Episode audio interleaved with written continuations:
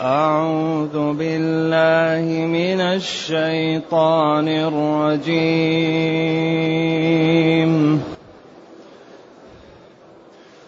الله يصطفي من الملائكة رسلا. الله يصطفي من الملائكة رسلا ومن الناس. إن الله سميع. إن الله سميع بصير. يعلم ما بين أيديهم وما خلفهم. يعلم ما بين أيديهم وما خلفهم وإلى الله ترجع الأمور. يا أيها الذين آمنوا اركعوا واسجدوا. يا أيها الذين آمنوا اركعوا واسجدوا واعبدوا ربكم. واعبدوا ربكم وافعلوا الخير لعلكم تفلحون. وجاهدوا في الله حق جهاده هو اجتباكم وما جعل عليكم في الدين من حرج. وما جعل عليكم في الدين من حرج مله ابيكم إبراهيم مله ابيكم إبراهيم هو سماكم المسلمين من قبل وفي هذا ليكون الرسول شهيدا عليكم. وفي هذا ليكون الرسول شهيدا عليكم. وتكونوا شهداء على الناس. فأقيموا الصلاة وآتوا الزكاة واعتصموا بالله واعتصموا بالله هو مولاكم واعتصموا بالله هو مولاكم فنعم المولى ونعم النصير الحمد لله الذي أنزل إلينا أشمل كتاب وأرسل إلينا أفضل الرسل وجعلنا خير أمة أخرجت للناس فله الحمد وله الشكر على هذه النعم العظيمة والآلاء الجسيمة والصلاة والسلام على خير خلق الله وعلى آله وأصحابه ومن اهتدى بهداه. ما بعد ما بعد فإن الله تعالى يرد على الذين لا يجعلون الرسل من البشر. لأنهم قالوا كيف يكون بشر ويرسل؟ وإذا كان رسول لماذا لا يأتي معه ملك أو يأتي معه بجنة؟ قال لهم الله يصطفي من الملائكة رسلا ومن الناس. الله المعبود بحق يصطفي يختار من الملائكة. وهذه المخلوقات التي خلقها الله ملهمة للتحميد عباد مكرمون لا يعصون الله ما أمرهم يلهمون التسبيح والتحميد كما يلهم بنو آدم النفس. يعني يسبحون الله لا يفترون. فهؤلاء الجنس اللي يقال له الملائكة والجنس الذي يقال له الإنسان أو الناس الله يختار منهم رسل. وهذا وهذا الاصطفاء لا دخل لأحد فيه لأن الله هو الخالق وهو الذي يصطفي ويفعل ما يريد ولا راد لحكمه. فأنتم يا, يا, يا معترضون لا حق لكم في الاعتراض لأن الله هو الذي يمن على من يشاء فيجعل هذا عالما ويجعل هذا تقيا. ويجعل هذا جميلا ويجعل هذا شجاعا ويجعل هذا عياذا بالله دميما وهذا فاسقا وهذا يعني كل واحد يعطيه. ما, ما للناس دخل في هذا. إذا الله يختار ويصطفي من الملائكة رسلا كجبريل وميكائيل وإسرافيل وعزرائيل على أنه ثبت. ومن الناس كمحمد صلى الله عليه وسلم وإبراهيم وموسى وعيسى ونوح. إذا اعتراضكم لا حق له. ولذلك وقالوا ما لهذا الرسول؟ يأكل الطعام ويمشي في الأسواق. لولا أنزل إليه ملك فيكون معه نذير أو يلقى إليه كنز أو تكون له جنة يأكل منها. وما أرسلنا من قبلك إلا رجالا نوحي إليهم من أهل القرى. كل الناس اللي ترسل هي من للبشر هي من البشر. لأن لو جعلناه ملكا لجعلناه رجلا وللبسنا عليهم ما يلبسون. لذلك سبحان الله هذا الإسلام مبني على قواعد وأسس راسخة. ما يمكن نوع من الجمال والإنصاف والحسن والإتقان لا يعلمه إلا الله.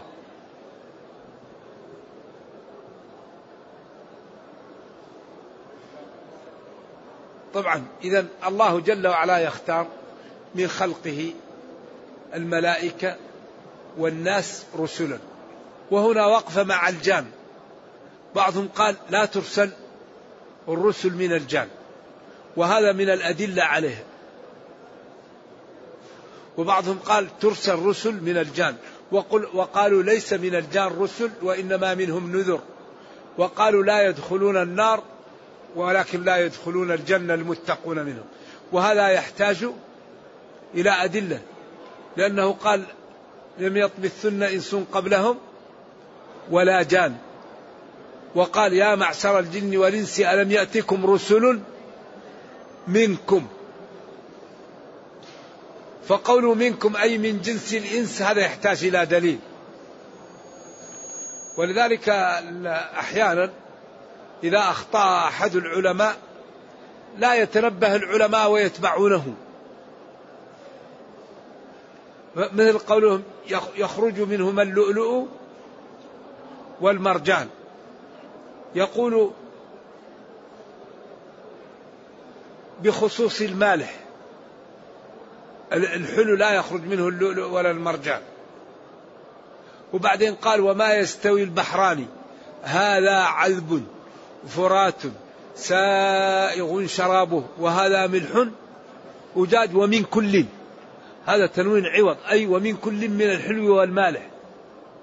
إذا النص صريح صحيح ما ما هو ما ما, ما يحتمل المقاومة. إذا من قال بخصوص المالح هذا أكثر ما يكون اللؤلؤ في المالح لكن قد يكون في إيش؟ في الأنهار وفي. وفي الحلو. لأن هذا نص صحيح صريح. ما هو قابل ليش؟ للمناقشة لأنه صريح. ومن كل من الحلو والمالح. تستخرجون؟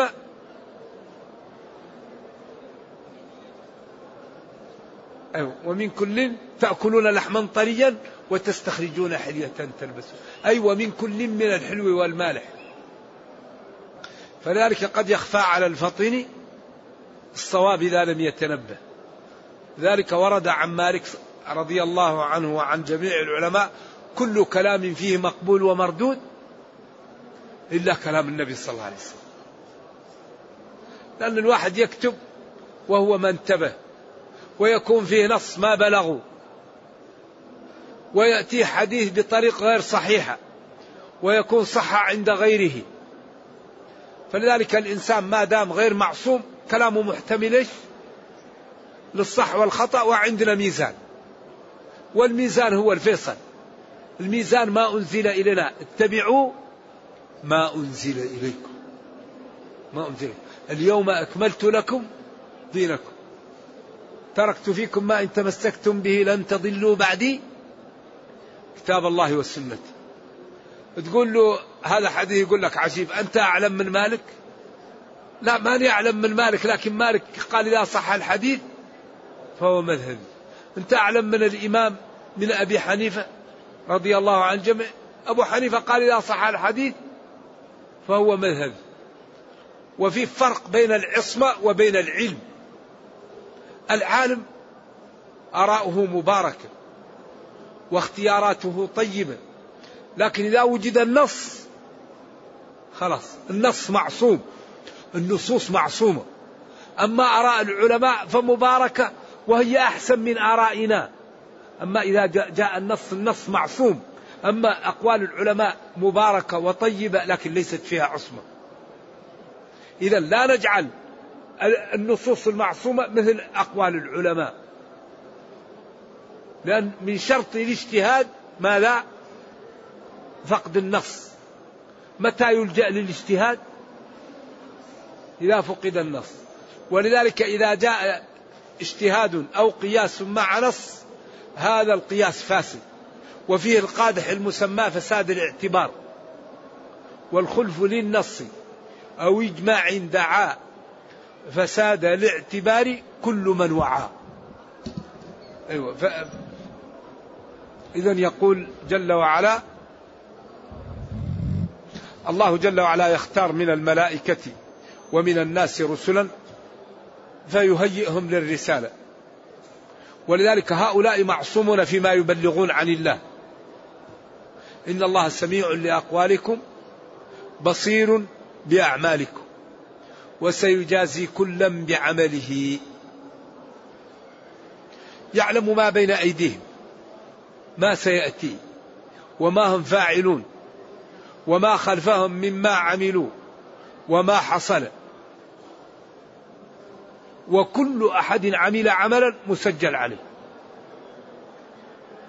أي إنسان يعمل عمل مسجل عليه. وإلى الله ترجع. تعود كل الأمور فيظهر المحق ويظهر المبطل ويظهر الصادق ويظهر الكاذب ويظهر صاحب الإخلاص ويظهر صاحب النفاق. كله يظهر. ترجع الأمور ويجازي كلا ولذلك هذا يوم الرجوع الأمور هو يوم التمايز. يوم يجمعكم ليوم الجمع. ذلك يوم التغامر. تفاضل. فلذلك الأمور واحد مر بالنبي صلى الله عليه وسلم. قال ما ترون هذا فيكم؟ قال حري. إن تكلم يسمع. وإن دعا للزواج يزوج وإن خطب وإن خطب يزوج. الثاني قالوا حري أن لا يسمع له ولا قال ملء الأرض من ذاك خير منه هذا أو العكس. إن الله لا ينظر إلى صوركم ولكن إلى القلوب والأعمال. فلذا القضية ما هي بالجسم أو اللباس لا قضية بالإيمان. بالعمل للدين. ليبلوكم أيكم أحسن عملا. لتبلون ولنبلونكم حتى نعلم الصابرين ونبلو أخباركم. أحسب الناس أن يتركوا؟ نعم. إذا يقول جل وعلا يعلم ما بين أيديهم وما خلفهم وإلى الله ترجع الأمور. يعلم ما هو قادم وما انتهى. وكل الأمور والأعمال ستعود إليه وسيجازي كل واحد بعمله الحقيقي. أبدا. ما في واحد إذا تظاهر بأنه لا يصلي وهو يصلي يعطى له ما يفعل. إذا تظاهر أنه يصلي وهو ما يصلي يعطى له ما في قلبه. ذلك كم من واحد متدين وهو يكتم تدينه عن الناس يتصدق ويكتم صدقته ويكتم أعماله فإذا هو يوم القيامة منزل في, في, في, في الغرف بعيد يرى كالكوكب وكم من واحد يتظاهر وإذا هو يوم القيامة أعوذ بالله نرجو الله السلام والعافية تندلق أقتابه ويدور بأهل النار. ألم تكن تأمر بالمعروف؟ ألم تكن تنهى عن المنكر؟ يقول كنت آمر بالمعروف ولا آتيه وأنهى عن المنكر وآتيه فلذلك لا ينفع إلا الصدق. الآن نحن في الدنيا. كل واحد يأخذ من نفسه لنفسه. ما فيه إلا الصدق ما فيه إلا الحق. لا يقول واحد آه ليتني ليتني عياذا بالله أهل النار الواحد يقول ليتني أعود.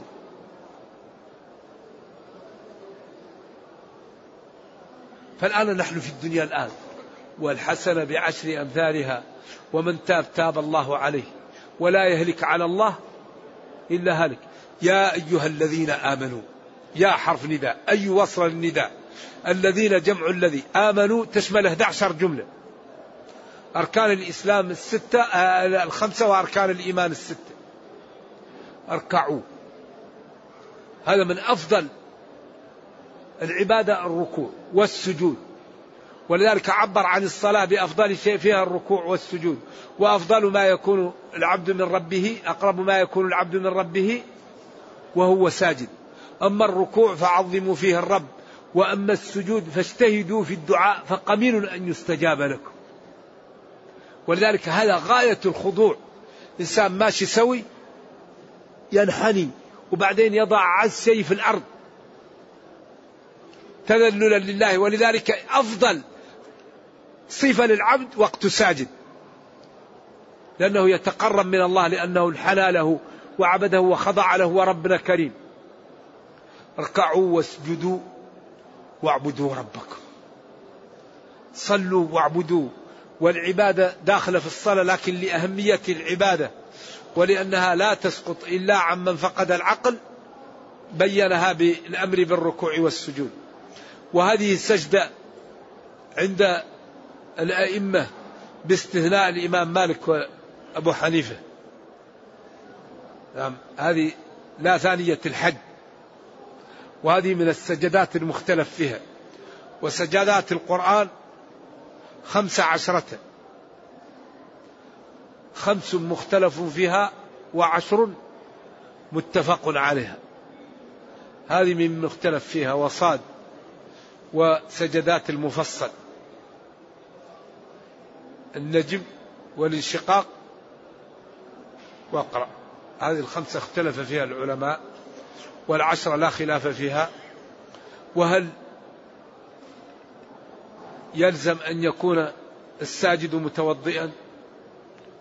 الجمهور قالوا وسجد بشرط الصلاة بلا إحرام وبعضهم قال لا يلزم الوضوء وتسجد في الصلاة النافلة وفي الفريضة. ولا ينبغي أيام كثرة الناس أن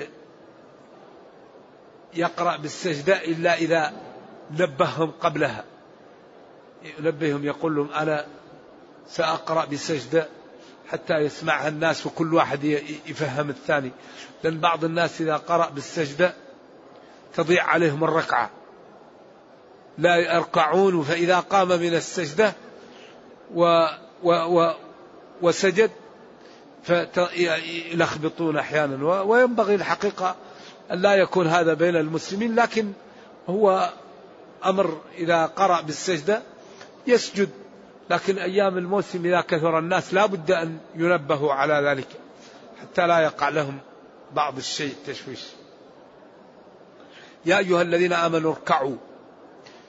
والركوع معروف. واسجدوا وهذا تعبير عن الصلاة. وافعلوا الخير لعلكم تفلحون. أجمع شيء فعل الخير. يدخل فيه الأمر بالمعروف والنهي عن المنكر يدخل فيه طاعة الوالدين. كل الأعمال داخل افعلوا الخير. خذ العفو وأمر بالعرف. أمر بالعرف هو افعلوا الخير. ذلك وضع القرآن وضع معجز. افعلوا الخير. من الخير الصلاة من الخير الزكاة من الخير الحج الصوم من الخير الصدقة. من الخير غض البصر كف اللسان أن تكرم جيرانك أن تبتعد عن آه، الربا. افعلوا الخير. من فعل الخير الأمر بالمعروف والنهي عن المنكر وممارسة الدين. لعلكم تفلحون. تفلحون تأمنون مما تخافون وتدركون ما ترغبون فيه. وأجمع, وأجمع كلمة للخير الفلاح. والفلاح هو الفوز. ولذلك قال فمن زحزح عن النار وأدخل الجنة فقد فاز. إذا الفلاح يقال للبقاء ويقال لإدراك ما ترغب فيه. وعلى المعنيين قول المؤذن حي على الفلاح. حي على الفوز وحي على البقاء الدائم وهو الجنة. لأن الصلاة عواقبها أن يدخل الإنسان الجنة فيبقى ويأمن من النار ويدرك ما يرغب. بعدين قال وجاهدوا في الله حق جهاده. جاهدوا أمر للوجوب في الله. لا ليقال شجاع أو ليقال جريء أو للحمية لا. أو لينال عرضا من الدنيا. لا في سبيل الله.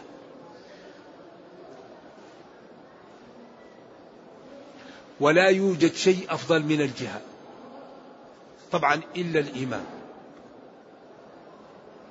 ولذلك قال له هل يعدل الجهاد شيء؟ قال لا إلا أن تظل صائما. لا تفطر وتبيت قائما لا تنام.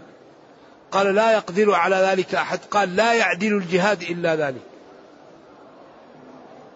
من اغبرت قدماه في سبيل الله حرم الله عليه النار. لغدوة أو روحة في سبيل الله خير من الدنيا وما فيها.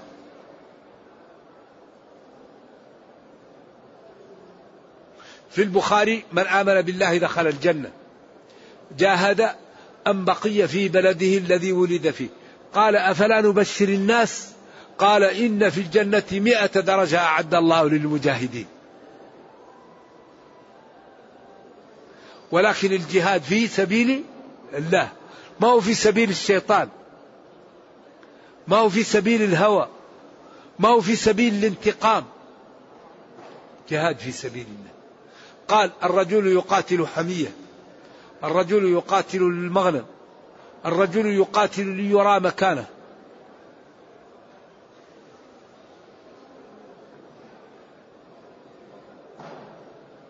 قال من قاتل لتكون كلمة الله هي العليا.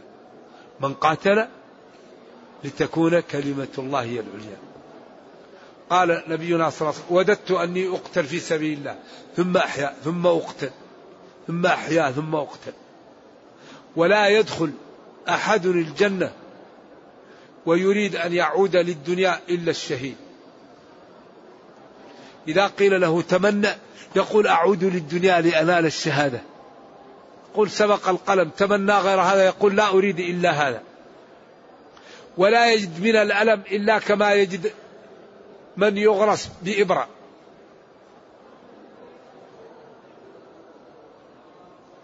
ولكن هذا الذي يجاهد فن سبيل الله لإعلاء كلمة الله. ما هو لغير ذلك؟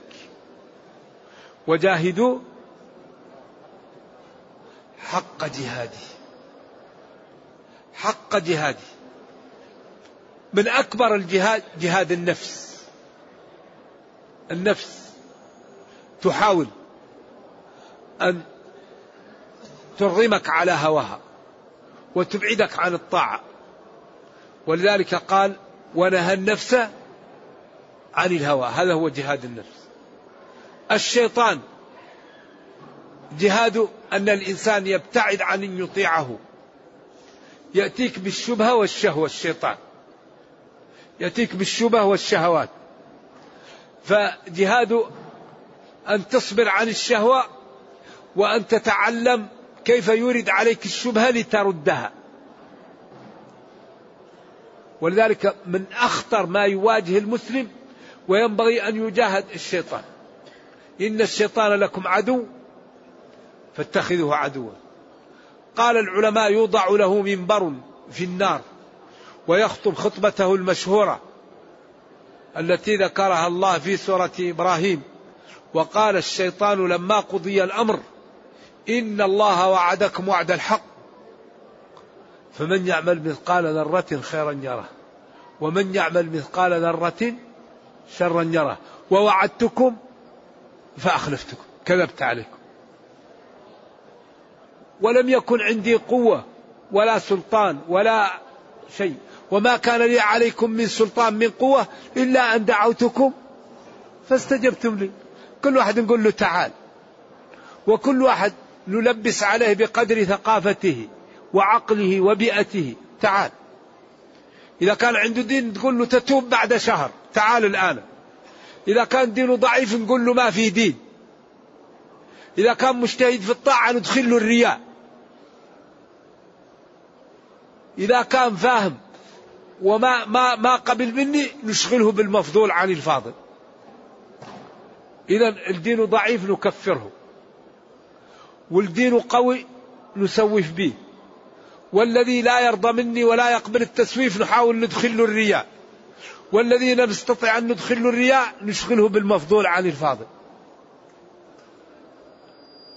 وما كان لي عليكم من سلطان إلا أن دعوتكم استجبتم لي. إذا فلا تلوموني ولوموا أنفسكم ما أنا بمصرخكم.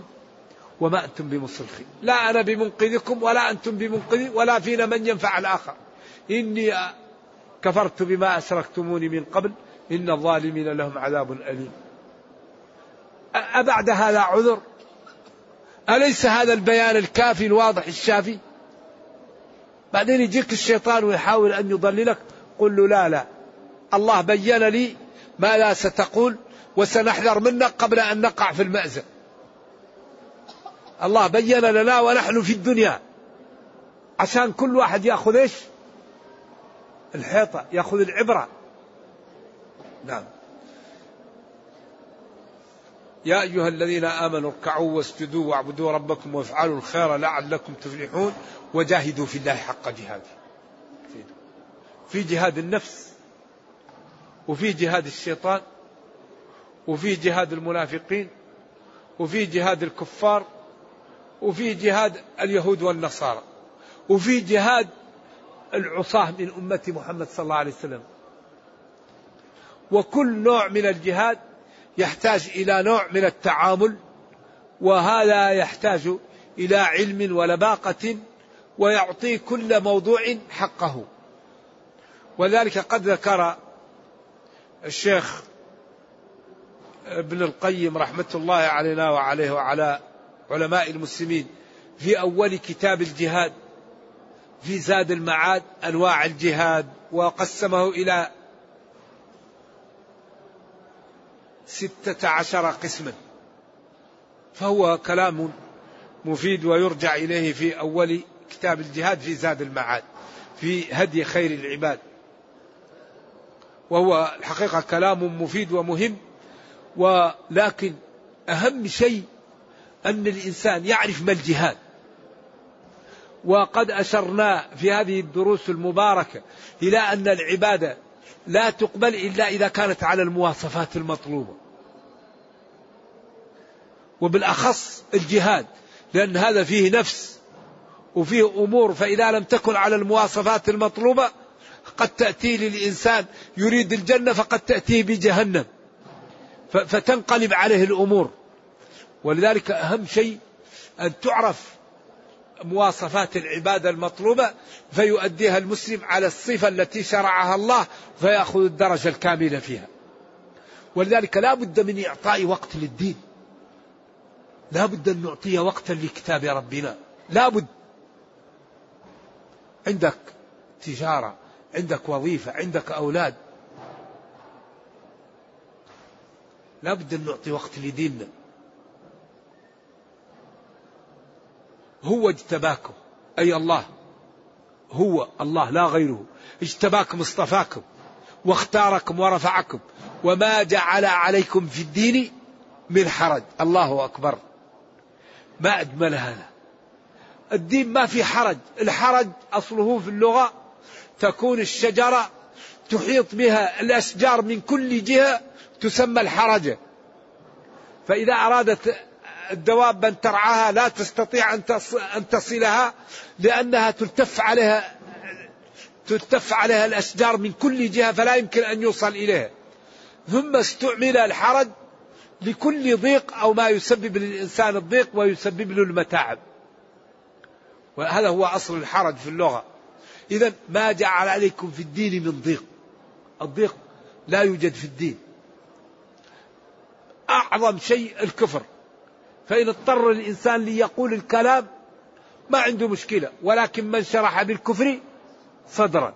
الميت حرام إن اضطررت كل إلا ما اضطررتم إليه.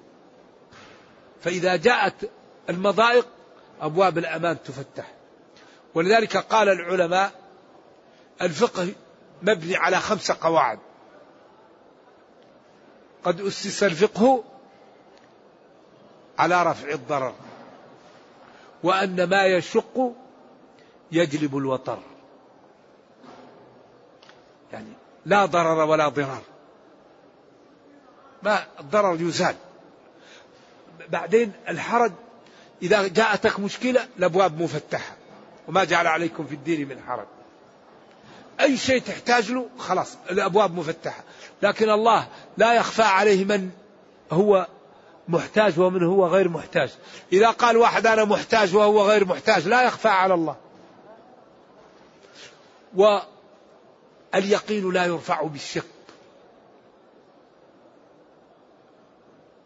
اليقين لا يرفع بالشك ولذلك قال من كان متوضئا فلا يلتفت من صلاته حتى يتحقق الحدث. يتحقق به. بإحدى الحواس.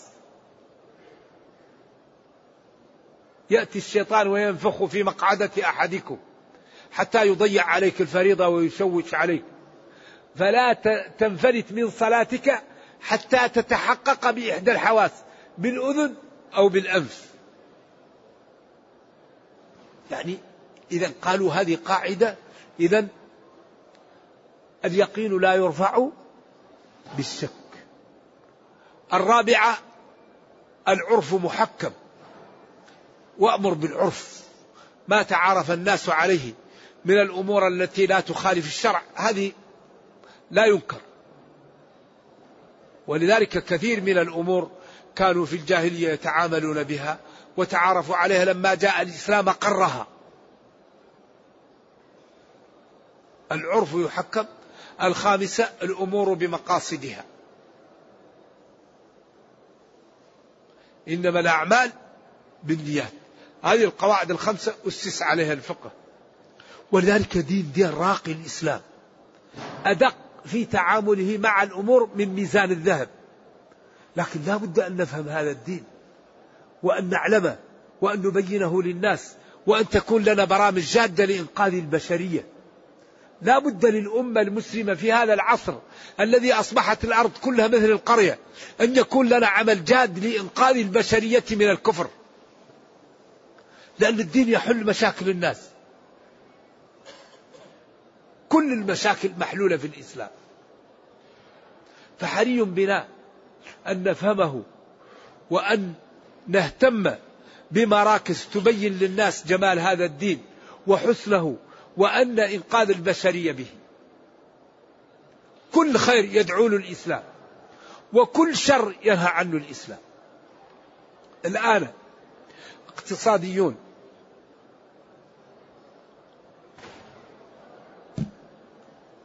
ألمان. قالوا إن لم تحارب الفائدة الربا فالعالم في خطر. طيب القرآن قال هذا قبل 14 قرن فإن لم تفعلوا فأذنوا بحرب. كل ما يدعون الإسلام الآن يقول هذا هو الحق. أهم شيء يقوي الكفار الاستشارة والاهتمام بالاستشارة. الله قال وأمرهم شورى بينهم وشاورهم في الأمر. أهم شيء يقوي الغرب العدالة. قال وضع الميزان ألا تطغوا في الميزان. قال ويل للمطففين. الصدق يقوي ولا تقف ما ليس لك به علم. كل ما يدعون الدين هؤلاء الغرب يهتمون به فقوية دنياهم لأن الأمور التي تزدهر بها الدنيا عملوها يعلمون ظاهرا من الحياة الدنيا. والمسلمون مليار وستمائة مليون أكثر شيء المسلمون يضيعوا فرصة. كل ما جاءت فرصة يضيعوها. ويزهدون في العقول ويزهدون في الاستشارة. فلذلك هم ضعاف والغرب أقوياء. لماذا؟ لأنهم أخذوا بالأسباب. ونحن لم نأخذ بالأسباب. ولذلك ربنا قال أوفوا بعهدي أوفي بعهدكم. وقال إن الله اشترى اشترى. وقال استبشروا ببيعكم وقال اعملوا تعاونوا افعلوا الخير أعدوا كونوا مع الصادقين لذلك من أكبر ما يضعف العالم الإسلامي أوامر معطلة ونواهي منتهكة فحري بنا أن نعمل مؤسسات عملاقة للعالم الإسلامي تشيع تطبيق أوامر الشرع؟ اجتناب نواهي الشرع. إذا عملنا هذا ارتفعت الأمة وازدهرت. وإذا كان كل واحد يجعل اللوم على الآخر الله يهديك. والله يهديك. طيب الله يهديك أنت أول. الله يهديهم. طيب وينك أنت؟ ينبغي كل واحد منا أن يقوم بما يستطيع. ولا يكلف الله نفسا إلا وسعها. فإذا قام كل واحد منا بما يستطيع ازدهرت الأمة وقوت. وأصبحت كما قال الله خير أمة أخرجت للناس. وإذا كان كل واحد يجعل اللوم على الآخر. هذا هو الذي يأتي بش بالضعف. ولذلك الشريعة كل شيء راعته. كلكم إيش؟ كلكم راعي. وكلكم مسؤول عن رعيته. فالإمام راع ومسؤول عن رعيته. والرجل راع في أهل بيته ومسؤول عن رعيته والمرأة راعية في زوج إيش؟ في مال سي... زوجها إيش؟ في بيت زوجها ومسؤولة عن رعيتها. والخادم راع في مال سيده ومسؤول ألا فكلكم راع وكلكم مسؤول عن رعيته. كل واحد على قدر ما أعطاه الله.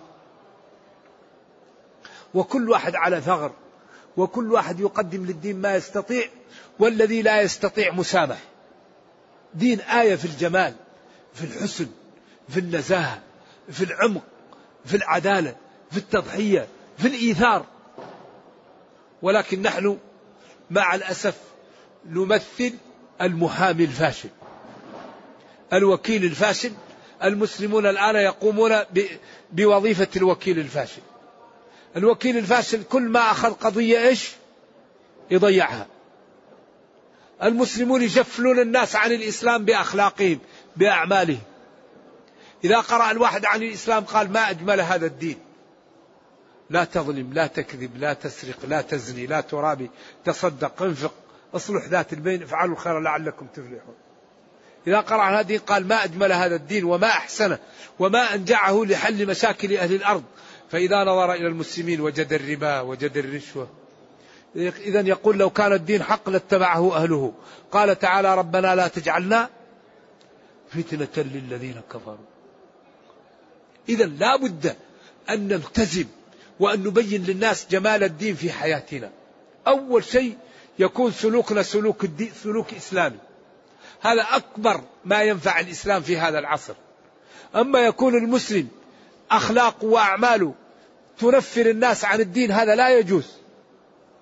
لا بد أن كل مسلم إذا رآه الإنسان أحب الدين في شخصه في تعامله في تلطفه في أدبه في كرمه في حسن خلقه في شجاعته. أما يكون المسلم في المسجد مسلم وإذا راح إلى إلى الشارع يقول للإسلام خليك في المسجد حتى أرجع لك هذا مشكل. لا بد أن نلبس الدين.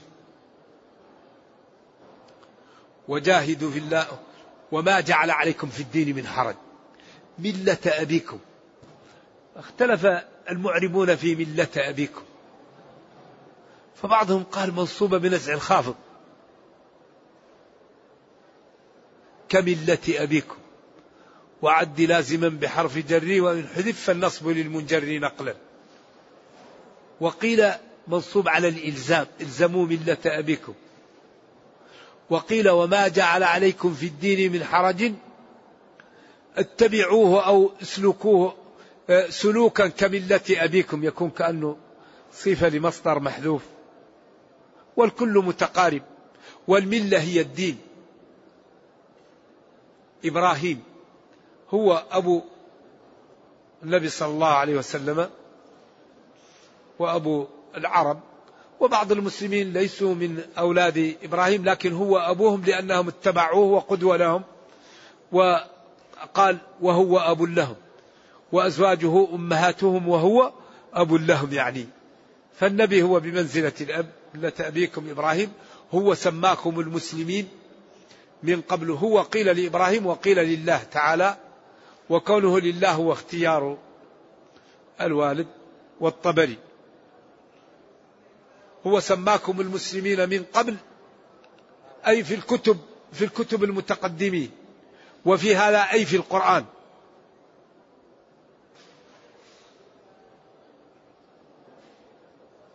وهذا أكبر دليل على أن هذا هو الله الذي سماهم ذلك. لأن إبراهيم ما كان موجود بعد نزول القرآن حتى يسمين فيه. ليكون الرسول شهيدا عليكم وتكونوا شهداء. فعل ذلك أو قدر ذلك أو شرعه ليكون الرسول شهيدا عليكم. وتكونوا شهداء على الناس. وهذا ثقل الجملة فأقيموا الصلاة وآتوا الزكاة واعتصموا بالله. فعل هذا واختاره وجعلكم خير الأمم ليكون نبيكم شهيدا عليكم وتكونوا أنتم شهداء على الناس أو يكون الرسول شهيدا عليكم بأنكم آه، يعني آه، بلغكم وتكونوا أنتم شهداء على الرسل الأخر لأن النبي صلى الله عليه وسلم أخبركم بذلك. فأقيموا الصلاة وآتوا الزكاة. لأن هاتان الفريضتان دائما يصطحبان. وقال أبو بكر والله لا أفرق بين الصلاة والزكاة والله قرن والله لو ما والله لو منعوني عناقا كانوا يدونها لرسول الله لقاتلتهم عليها.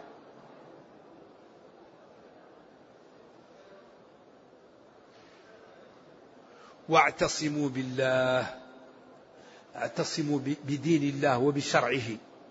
ولا تختلفوا لأن الانضواء تحت شرع الله من أقوى أسباب القوة وأكبر ما يضعف الأمم الاختلاف ولذلك قال ولا تنازعوا فتفشلوا. هو مولاكم ناصركم ودافع عنكم وعاطيكم ما عندكم من النعم. وما جعل هو مولاكم فنعم المولى ونعم النصير. نعم المولى الله جل وعلا ونعم الناصر الله جل وعلا فأطيعوه واعبدوه ولا تكفروا به. وامتثلوا أوامره واجتنبوا نواهيه ولكم من الله صلاح الدنيا والأخرى. لأنه قال أوفوا بعهدي أوفي بعهدكم وقال جل وعلا إن الله لا يخلف الميعاد. نرجو الله جل وعلا أن ينصرنا بهذا الدين وأن يعزنا به وأن يوحد صفوف المسلمين ويقوي شوكتهم وأن يرد عنهم كيد أعدائهم. وأن يجعلنا جميعا من المتقين. اللهم ربنا أتنا في الدنيا حسنة وفي الآخرة حسنة وقنا عذاب النار. سبحان ربك رب العزة عما يصفون. وسلام على المرسلين والحمد لله رب العالمين. والسلام عليكم ورحمة الله وبركاته.